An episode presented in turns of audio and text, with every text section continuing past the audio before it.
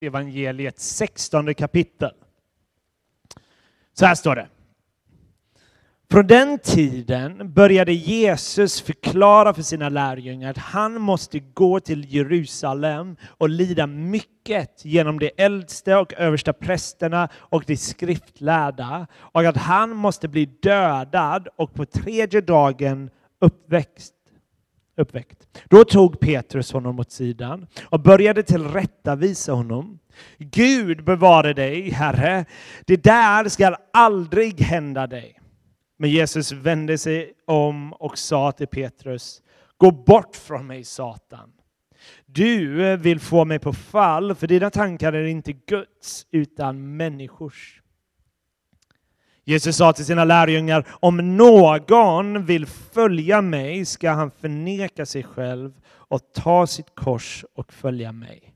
Den som vill rädda sitt liv ska mista det, men den som mister sitt liv för min skull ska vinna det. Så lyder Herrens ord.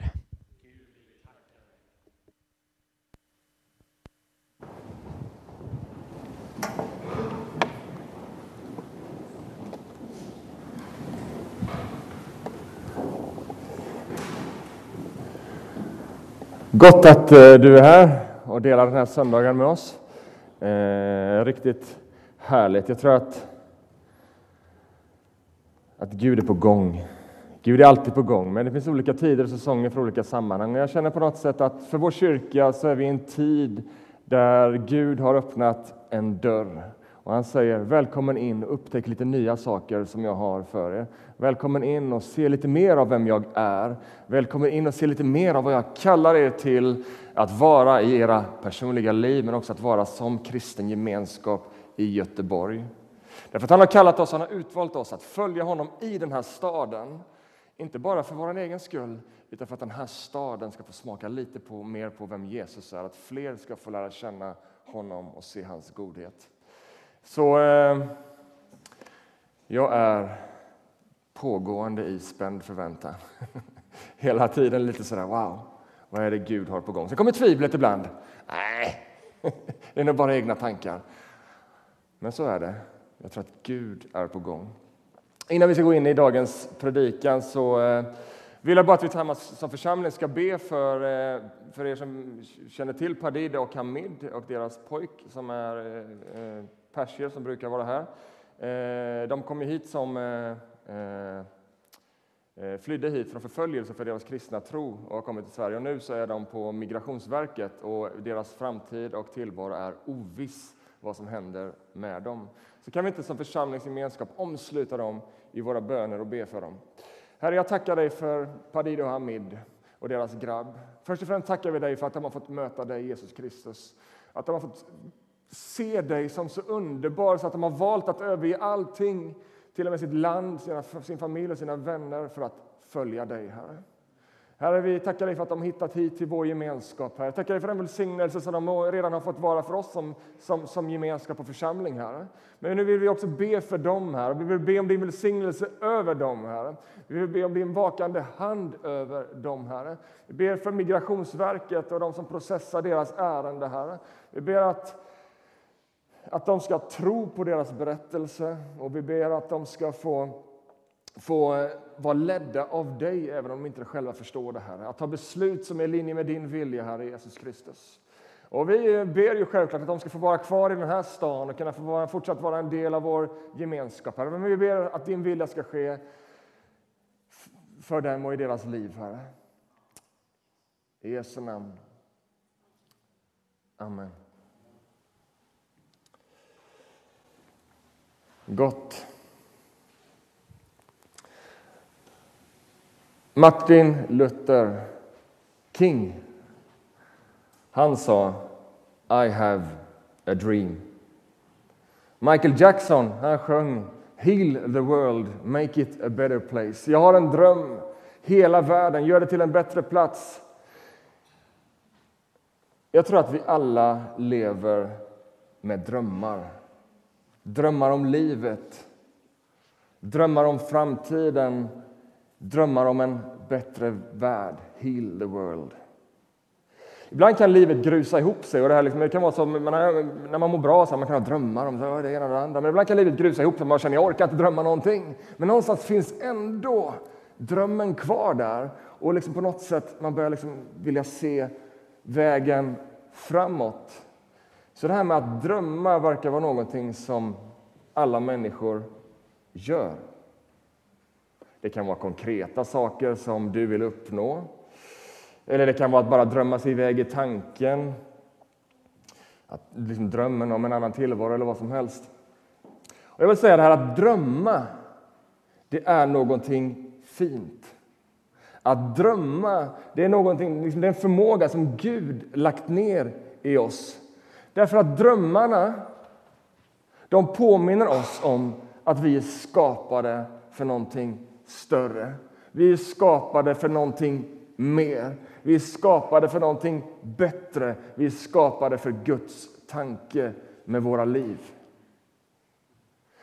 Drömmen, på något sätt, är lite som bränsle i nuet att röra sig mot den framtid som kan bli vår. När du drömmer om någonting så blir det, det blir energi, det blir liksom dopaminpåslag, det, blir liksom bara, det finns liksom en positiv känsla och det blir ett bränsle att faktiskt bara, nu tar jag de här stegen mot det liv som faktiskt kan bli mitt. Och dagens text, jag vet inte om du bara liksom hörde orden men inte lyssnade. Men om du lyssnade på dagens text så är det en ganska utmanande text på ganska många plan. Därför att den talar om att förneka sig själv och följa Jesus. Helt kontra mot vår kultur som handlar om att bara liksom vältra sig i vad man själv vill. Men dagens text säger att förneka oss själva och följa Jesus. Vad betyder det? Det här med drömmar, måste jag ge upp alla mina drömmar? Ska vi ge upp om det där som bultar lite extra i vårt hjärta när vi tänker på det? Det där som liksom ger energi att röra sig mot någonting. När Jesus kallar oss att följa honom så bjuder han in oss i sin stora dröm. Att förneka sig själv behöver inte innebära att vi måste förneka alla våra drömmar, att vi måste ge upp den där känslan som bultar på insidan. Utan det handlar snarare om, skulle jag vilja säga, så handlar det snarare om att vi placerar våra drömmar i sitt rätta sammanhang. Att sätta rätt sak först. Därför att Jesus säger ju faktiskt, som hela den här serien handlar om, att sök först. Det innebär att vi kan ha saker på plats två, plats tre, plats fyra som vi längtar efter. Men det som är viktigt är vad som kommer först.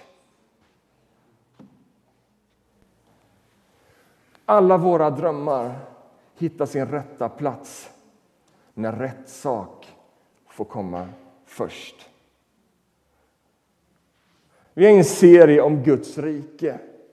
Och för Jesus så handlar Guds rike om att Guds dröm med världen ska bli sann. Ni vet, skapelse är inte bara ett slumpmässigt liksom, kemiska processer och explosioner hit och dit, utan Gud har en tanke. Och det är Guds rike. För Jesus innebär Guds rike att hans dröm med världen ska bli sann.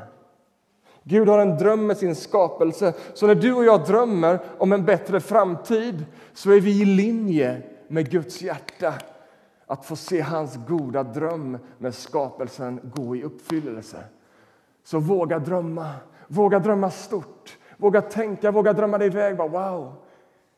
Ibland kan det vara verklighetsflykt, men det kanske inte är så farligt. Därför att Gud han bjuder oss att vara med i sin stora dröm. Och Jag vill säga till dig, nöj dig inte med för små drömmar. Drömmar som bara har med din egen lycka att göra. Det är för små drömmar. Det är för små drömmar. Det är för små drömmar. Våga drömma drömmar i linje med Guds stora dröm. Att få se Guds vilja ske på jorden så som den sker i himlen. Kom igen, våga drömma lite grann. Våga tänka större. Våga sätta ditt liv i linje med Guds tankar och visioner. I Guds dröm bortom alla andra drömmar, där finner alla våra drömmar sin rätta plats. Där finner alla våra drömmar sitt rätta sammanhang och sitt rätta syfte. Och den dröm, ja, men den kanske inte är så stor. Men vet du vad? När den placeras i Guds stora dröm, då kopplar den upp mot Guds eviga tankar, Guds eviga planer, Guds eviga visioner. Och det blir av så mycket större betydelse än om du bara hade omfamnat den där drömmen själv och förverkligat din egen idé. Men när du lägger ditt eget förverkligande i Guds händer, då kopplar du upp mot Guds eviga syften. Dagens text handlar om att hitta det som är så dyrbart och så värdefullt att det är värt att bygga hela sitt liv på. Att hitta det som är så dyrbart och så värdefullt att det är värt att investera hela sitt liv i. Det handlar liksom inte om pressen att förverkliga sin egen dröm. Du vet, det där är världens erbjudande. Liksom, pressen att förverkliga dig själv. Nej, det handlar om en inbjudan att bli del av Guds stora dröm. Det är en inbjudan, det är inte en press som liksom krossar oss, utan en inbjudan att bli en del av Guds vision. Så låt oss titta lite närmare på vad som händer i dagens text. Och vi är då i predikans första punkt som jag kallar för Det som inte kostar något är ofta inte värt något. I dagens text den börjar med att Jesus pratar med sina lärjungar om att han måste lida, att han måste dö, men att han ska uppstå igen. Så det pratar Jesus med lärjungarna om, men de vill inte förstå. Och ni vet, det här händer gång på gång. Att Jesus tar upp det här temat. Liksom. Jag tänker jag måste förbereda dem på vad som är på gång här. Så liksom, han, han, han liksom, ja, det är ju så här att vi ska gå upp till Jerusalem nu och jag liksom måste lida och dö, men jag ska uppstå igen. Men lärjungarna vill inte lyssna. De vill inte förstå. Och det är nästan som att det ligger i människans natur att vilja fly det som är jobbigt, att fly lidande och prövning. Så vi stänger igen öronen. Vi vill inte höra. Och jag tror att det, är egentligen väldigt naturligt, för det är klart man inte vill, vill det som är jobbigt. Och Jesus själv, han frestas av den här tanken. Han ber själv, Herre, ta den här bägaren ifrån mig. När han är där inför sin död. Herre, ta den här bägaren ifrån mig. Det är för jobbigt. Men så kommer det avgörande. Men, Herre, inte min mänskliga vilja, utan din gudomliga vilja. Och Det är precis detsamma som sker i dagens text när Petrus säger till Jesus Nej men Jesus, det här ska inte hända dig, inget ont ska drabba dig, inget lidande ska komma över dig. Då säger Jesus Sluta Petrus, du vill få mig på fall. Du spär på känslan av liksom att ah, men det är något fel för att det är jobbigt. Du tänker människotankar. Du frestar mig, du tänker människotankar. Jesus utmanades av tankar att undvika det som kostar något, att undvika motstånd och lidande. Men Jesus är tydlig. Inte den mänskliga viljan, inte köttet i mig, utan min himmelske faders vilja. Och Jesus han är drastisk. Han säger till och med till Petrus, gå bort från mig Satan. Vilka ord! Gå bort från mig, Satan! Tänkte Petrus bara.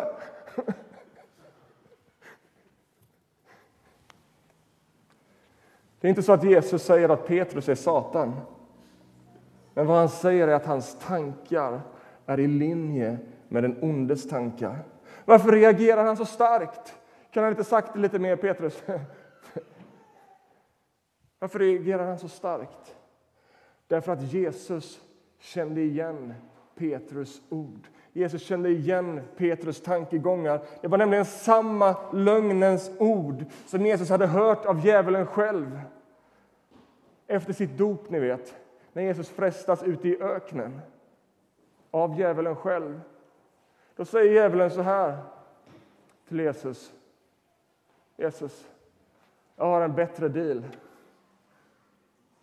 Böj dig bara ner och tillbe mig så ska alla riken bli ditt.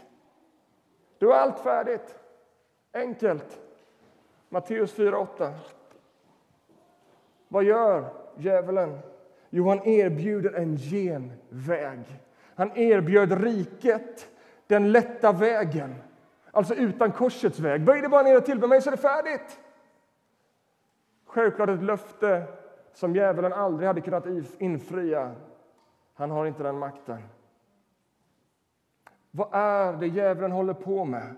Jo, djävulens strategi är att erbjuda genvägar till det du och jag vill ha. Är det för bra för att vara sant så är det troligen för bra för att vara sant. Kom igen! Det är liksom djävulen bara liksom, ta den här genvägen här. Problemet är att hans genvägar är alltid omvägar förbi korset. Eh, djävulens genvägar är alltid omvägar förbi korset. Han utlovar korsets välsignelse. Böj dig ner och tillbe mig, du ska få allt. Riket är ditt. Böj dig ner och tillbe mig. Köttets lustar, bara kom igen nu, kör på här. Girighet, kör på här. Du kommer bli lycklig. Nej. Han lovar riket, han lovar frihet, han lovar glädje men han lämnar oss som slavar utan riket, utan frihet, utan lycka. Det är därför Jesus är stenhård mot Petrus. Gå bort från mig. Vänner, det finns inget evigt rike utan korset. Det finns ingen frihet från synd, ingen frihet från bundenhet utan korset. Det finns ingen tillfredsställelse och lycka som är värd namnet. Det finns ingen frid och ingen sann glädje. Det finns inget evigt liv utan korset. Korset är centralt i Jesu uppdrag. I dagens text, det är en text om korset.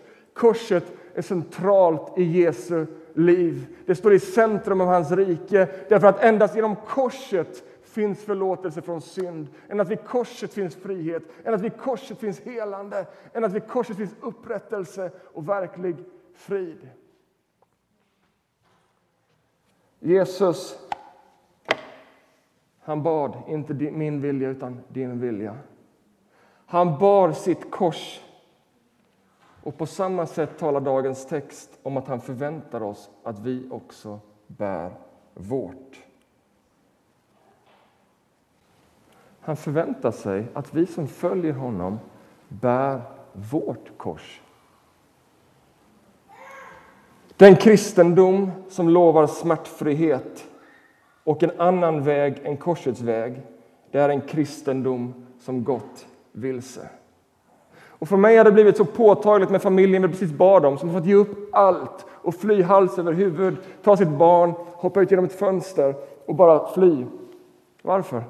För att de ville följa Jesus. Korsets väg. Det kostar någonting att följa Jesus.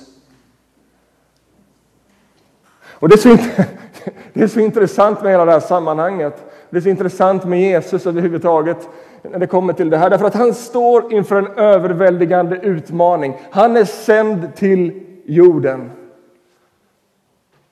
För att rädda världen, för att nå varje människa. Han ska gå globalt om vi ska använda liksom modernt språk.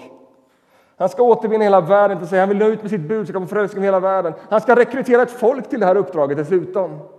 Och hans sales pitch, hans säljbudskap är om någon vill följa mig då ska han förneka sig själv och ta sitt kors och följa mig. Den som vill rädda sitt liv, han kommer mista det. Men den som mister sitt liv för min skull, han ska vinna det.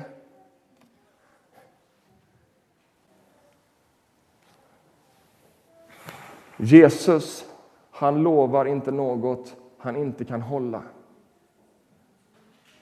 Han kunde sagt följ mig, det kostar ingenting. Följ mig, it's a piece of cake. Men Jesus, han lovar inte något han inte kan hålla. Men vet du vad? Han håller allt vad han lovar. Och det är mycket bättre. Vi följer inte Jesus för att det är enkelt. Är det din kristendom? Då vill jag utmana dig på djupet idag. Att din kristendom ska få gå djupare än det liksom att det ska ge mig ett bra liv och det är lite, lite trevligt, lite småreligiöst och liksom, åh vad mysigt. Vi följer Jesus för att vi vet att det kostar allt, men att det ändå är värt det. Trots att det kostar allt. Det finns en sån attraktion i personen Jesus. När vi får se honom som han är finns det en sån attraktion i honom. I hans erbjudande att följa honom. Det finns en sån attraktion. Wow! Jag förstår att det här kommer kosta på. Men jag inser också att det är hos honom och i att följa honom som hela mitt liv finner resonans, finner mening, finner syfte. Att följa Jesus är inte att ge upp ett meningsfullt liv utan det är att ge sitt liv till någonting som verkligen betyder någonting. Jag vet inte hur det är med dig, men jag, jag har ju varit kyrkfolk hela livet. Jag, på att säga. Jag har trott på Gud sedan jag föddes, vilket är underbart. Men jag har mött många människor, många troende, många äldre.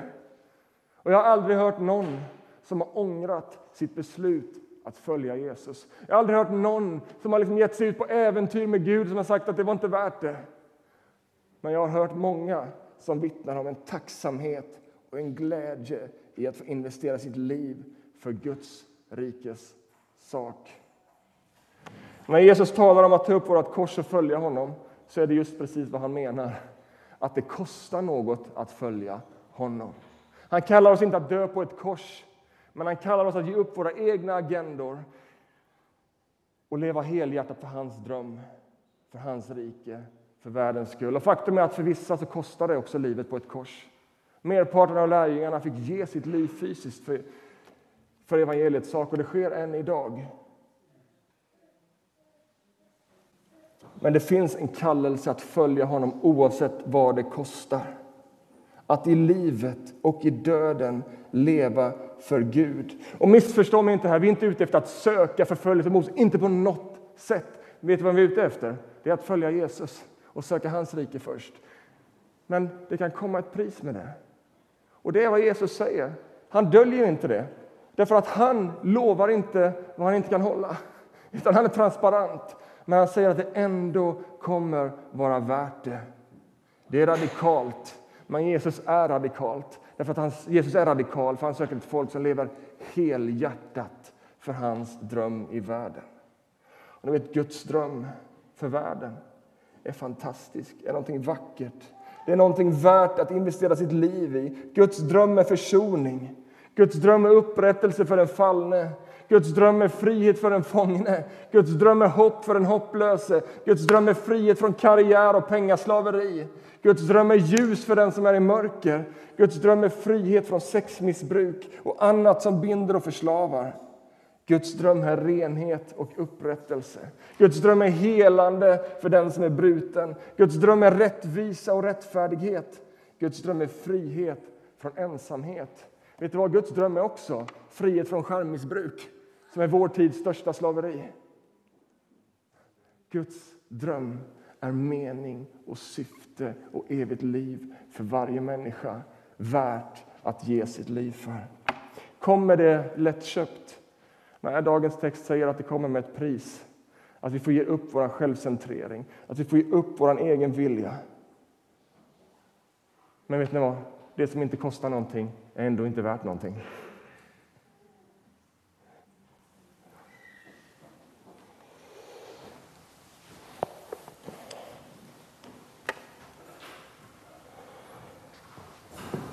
Det Jesus också talar om i texten, och det är min punkt två och det sista punkten i min predikan, och det är att följa Jesus. Allt börjar med att Jesus kallar oss att följa honom. Och Det är en personlig kallelse, det är en kallelse som går ut till varje människa. Det står så här i Markus kapitel 1, vers 16. När Jesus gick längs Galileiska sjön såg han Simon och hans bror Andreas. De stod och kastade ut nät i sjön, för de var fiskare. Jesus sa till dem, kom, följ mig. Så ska jag göra er till människofiskare. Genast lämnade de näten och följde honom. Essensen i kristen tro är fyra ord. Jesus kallar, vi följer. Det är egentligen så enkelt vad kristendomen handlar om. Jesus kallar, vi följer. Simon och Andreas, som var fiskare, de visste att följa denna nya rabbinen Jesus, det skulle förändra deras liv. Men ändå, genast lämnade de allt och följde honom. Centrum i den kristna tron är inte en lärosats. Vet, ibland blir det så teoretiskt. Det blir liksom bara, hur är det med det här? Centrum i den kristna tron är inte en lärosats. Centrum i den kristna tron är en person. En person vars attraktionskraft är så stark så genast lämnade de näten och följde honom. Centrum i Guds rike är inte en religion, utan en person. Kung Jesus, strålande i härlighet. I mötet med honom så betyder inget annat något, men att följa honom betyder allt. Vi tror på en Jesus som har en sån attraktionskraft att det kan få vem som helst att ge upp allting för att följa honom. Jesus sa precis i versen innan här, innan han kallar Petrus och Markus, så har han precis proklamerat att det är en ny tid. Att Guds rike har brutit in i världen. Och efter det så kallar han människor att följa honom. Kallelsen att följa honom har med Guds rike att göra. Det är nämligen en kallelse att vara hans folk som följer kungen Jesus för att utbreda hans rike. Det är vad det handlar om. Drömmen om att Guds rike ska bli verklighet. Och Det här vi pratar om nu kan man kalla för lärjungaskap. Och vet att det vanligaste ordet i Nya testamentet för kristna, det är inte kristna, eller troende, eller pingsten eller lutheran, eller vad det nu är, katolik, eller liksom man skulle tänka... Liksom. Det vanligaste ordet för en kristen i Bibeln är lärjunge. Lärjungaskap var ett vanligt koncept under antiken, men det är faktiskt lika vanligt idag skulle jag vilja hävda, för att alla är lärjunge till någon eller något. Vi följer alla någon. Vi följer alla något, personer, ideologier, förebilder som vi följer, som vi vill likna eller vara som. Och det vi följer, det formas vi av. Och det är just precis vad lärjungaskap handlar om, att följa och formas av. Han kallar oss att följa honom så att vi kan vara nära honom, lära från honom och bli som honom.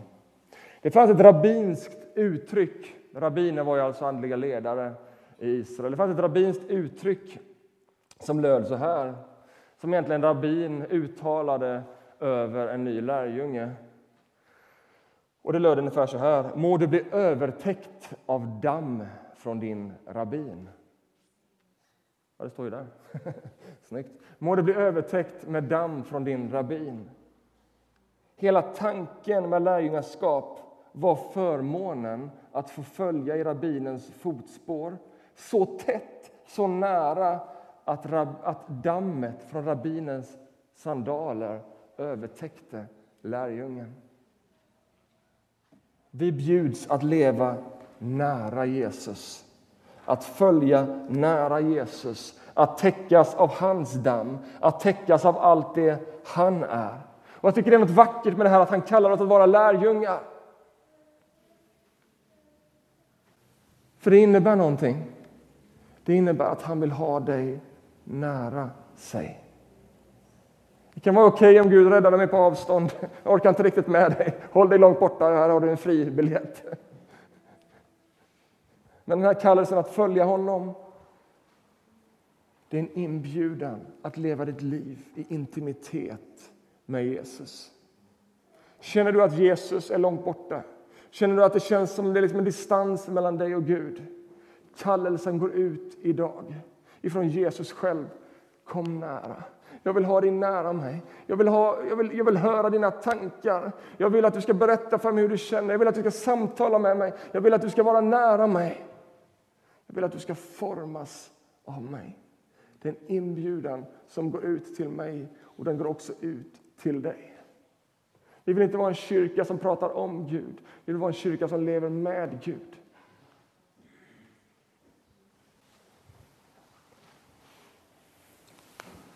Tänk att få bli täckt av Jesu damm. Det är underbart. Tvätta aldrig mina kläder.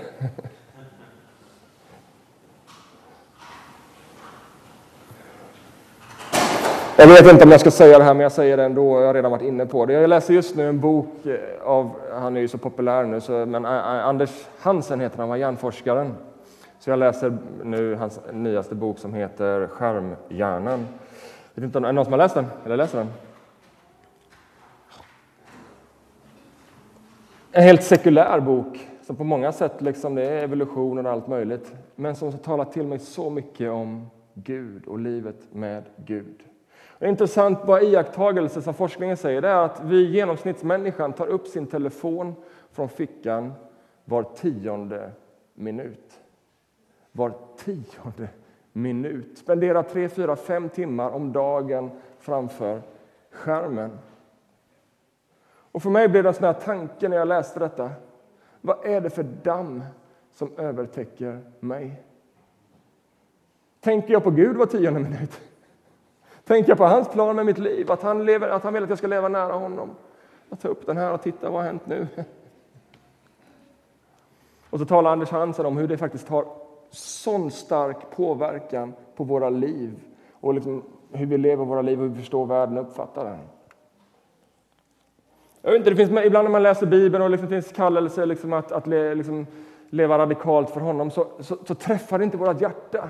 Därför att det på något sätt adresserar in i en tid, i en samtid med andra problem, andra saker som lockade. Det var tempelprostitution och alla möjliga saker som lockade på den tiden. Men låt oss vara lite ärliga. Jag tror att vi som kristna, vi kallas faktiskt att göra upp med vår skärm. Nu predikar jag till mig själv. Det är inte så att vi ska slänga våra telefoner. Det är inte det jag talar om. Men vad gör det med mitt andaktsliv om jag var tionde minut stirrar in i den här skärmen? Det innebär att jag har nio minuter på mig att ha ett samtal med Gud. Teoretiskt sett. För mig, nu predikar jag till mig själv, kanske träffar det en eller två till eller ingen, men då får det vara för mig själv då. Men jag tror att det finns en kallelse här i att följa Jesus, är att ta kontroll över sitt liv. Många kommer till mig och säger men jag känner inte Guds närhet, jag känner inte liksom tilltal. Och det här med profetiska, det händer ju ingenting, jag får inga tilltal och ingenting. Kanske är det så. Att vi låter oss inte täcka, med, täcka oss med dammet ifrån Jesu sandaler, utan vi täcks med damm från den här världen. Andra röster ljuder så starkt. Kan vi inte bara prova under en tid? Vi går in i böneveckan nu, vi kommer ha fyra onsdagar av bön. Kan vi inte bara ta fyra veckor? Försök att göra något, försök att förändra någonting i ditt och mitt liv för att faktiskt leva lite tätare in på Jesus. Det är inte liksom en sån här på dig, utan det är en inbjudan om du vill. Jag är med på det. Försöka ta lite mer kontroll och lite mer ligga tätare på Jesus. Hur kan vi följa Jesus i en tid som är så fragmenterad som våran? Oavsett tid, kallelsen är densamma att i vår tid följa Jesus i vår stad. Jag går in för landning. Slutet av vår visionsformulering som församling den lyder så här, att vi vill vara en blomstrande och jordnära Gudsrikes gemenskap av andefyllda vardagskristna som följer Jesus i vår stad så att hans rike får komma, hans vilja får ske i Göteborg så som i himlen.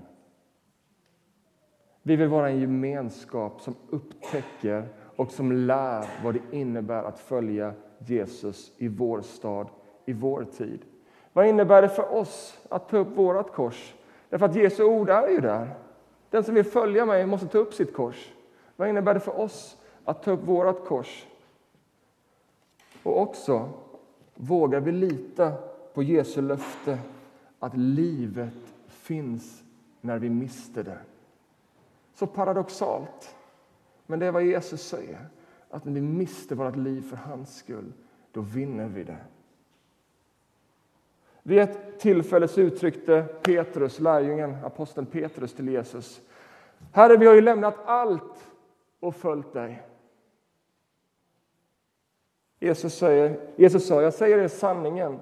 Ingen lämnar hus eller bröder eller systrar eller mor eller far eller barn eller åkrar för min och för evangeliets skull utan att få hundrafalt igen. Här i världen får de hus. De får bröder, de får systrar, mödrar, barn och åkrar. Ja, mitt under förföljelser. Och sedan i den kommande världen evigt liv. Det kostar allt, men vi vinner något mycket mer fallit igen, redan här och nu. Det finns en glädje och en tillfredsställelse som går bortom allting annat. Det är inte en livsåskådning eller en religion som bjuder dig att lämna allt. Anamma de här lärosatserna. Överge ditt liv. Läs den här boken. Gör vad som står. Det är en person. Det är Gud själv. Och nästa vecka så ska vi tala om Jesus den oemotståndlige, Jesus den underbara, Jesus den fantastiske. Det är han som bjuder oss att följa honom. Det är han i sin härlighet, det är skaparen i sin godhet. Därför att han vet att när vi sätter rätt sak först, då faller vårt liv på plats. Ja, det faller så mycket på plats så att det är som att vi får hundrafalt igen. Och får vi överge vår familj och fly till ett annat land som vissa får, ske, få, få vara med om, ja, men då får vi en ny familj, systrar och bröder. Ni sitter här, mina vänner. Det handlar inte bara om ditt liv. Det handlar om att faktiskt Gud har utvalt dig att vara en syster och en bror, en moder och en far för någon annan. Tänk vilken vacker dröm. Ditt liv betyder något. Jag har sagt det förut, jag skriver ofta på sociala medier när vi liksom annonserar våra gudstjänster. Kom, för det blir inte detsamma utan dig. Och det är faktiskt så. Du kommer hit och du blir välsignad, du får höra Guds ord och du liksom blir utrustad med andliga gåvor och Guds kraft. Men vet du också, så betyder du någonting för den andra, den som sitter jämte dig. Att du bara finns där, din närvaro. Att det är en till som vill följa Jesus. Att det är en till som har gett upp sin bekvämlighet denna söndagen för att följa Jesus. Att det är en till som lyfter sina händer. Då kanske jag vågar lyfta mina händer i fickan. liksom, det, det gör någonting. Din närvaro betyder någonting. Du är en lärjunge. Och nu, alltså jag kan fortsätta hur länge som helst. Och jag tror att det här är en hjärtesak. Vi är inne i den här serien kring Guds rike och efter den här serien så kommer en till serie om Guds rike. Därför att vi tror att det är så fundamentalt att vi förstår att Gud har en dröm som vi bjuds in i. Han har gett oss den helige Ande, Guds kraft, för att vi ska kunna vara med och förverkliga denna dröm. Och nu har jag ett citat som får avsluta predikan. Och det är från en av mina favoritböcker som heter One Life och det är en teolog som heter Scott McKnight som har skrivit den. Och han, har, han delar med sig av sin insikt av vad som är värt att leva för. Det står på engelska på skärmen, men jag säger den på svenska. Kristendom är inte nog. Religion är inte nog. Vara respekterad i en kyrka är inte nog. Klättra på karriärstegen är inte nog. Lösa intellektuella problem är inte nog. Jaga drömmen om det goda livet är inte nog. Hitta en person att älska är inte nog. Sex är inte nog. Vänner är inte nog. Vetenskap är inte nog. Politik är inte nog. Pengar är inte nog. Mode är inte nog. Mat och dryck är inte nog. Berömmelse är inte nog. Inget är nog. Det enda som är nog, det är Jesus. Och det enda vägen värd att gå, det är att följa Jesus. Och det betyder en sak, att ge ditt enda liv till honom och till hans dröm. Amen.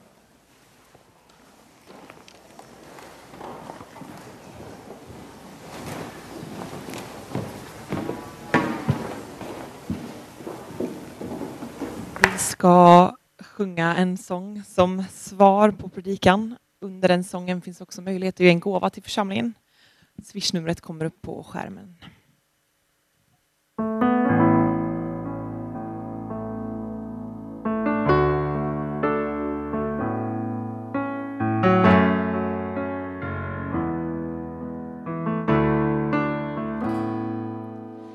Hjärtats Herre och kung, var den klippa dit jag flyr, källan för mitt liv, och du är min sång. Hjärtats Herre och kung, låt mig gömma mig i dig. Du har friköpt